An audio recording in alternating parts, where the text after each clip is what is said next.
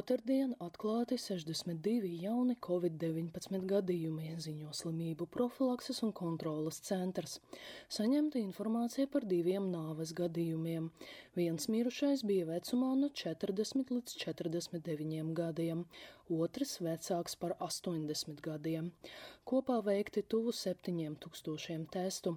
Pozitīvo gadījumu īpatsvars joprojām ir zem 1%. Slimnīcās nonāca 5 covid-19 pacienti. Kopā stacionāros ārstējas 55 cilvēki, no kuriem 12 ir smagā stāvoklī. Covid-19 delta paveida īpatsvars Latvijā ir sasniedzis 79%, ziņo Leta. Vēl jūlija sākumā jauna varianta īpatsvars bija vien 18%, bet pēdējo divu nedēļu laikā tā izplatība ir strauji augusi.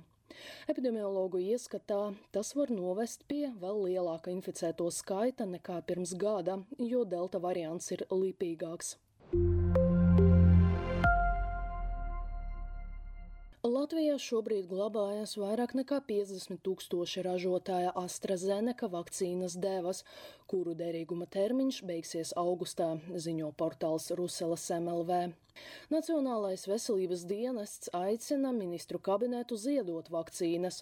Šī nav pirmā reize, kad NVD izsaka šādu aicinājumu, bet līdz šim valdība nav lēmusi par labu ziedošanai. Eiropas zaļu aģentūra uzsākusi Sanofi vakcīnas pret covid-19 pātrināto vērtēšanu, ziņo Zaļu valsts aģentūra. Tā ir proteīna bāzes vakcīna, kura iemāca imūnsistēmu atpazīt vīrusa pīķa proteīnu, kas svešu, un veidot pret to antivielas. Šobrīd vakcīna ir izgājusi divas pētījumu fāzes, un to rezultāti liecina, ka preparāts var veicināt aizsardzību pret slimību. Covid-19 dienas apskatu sagatavoja Ksenija Kaļiesņikova, portāls Delfi.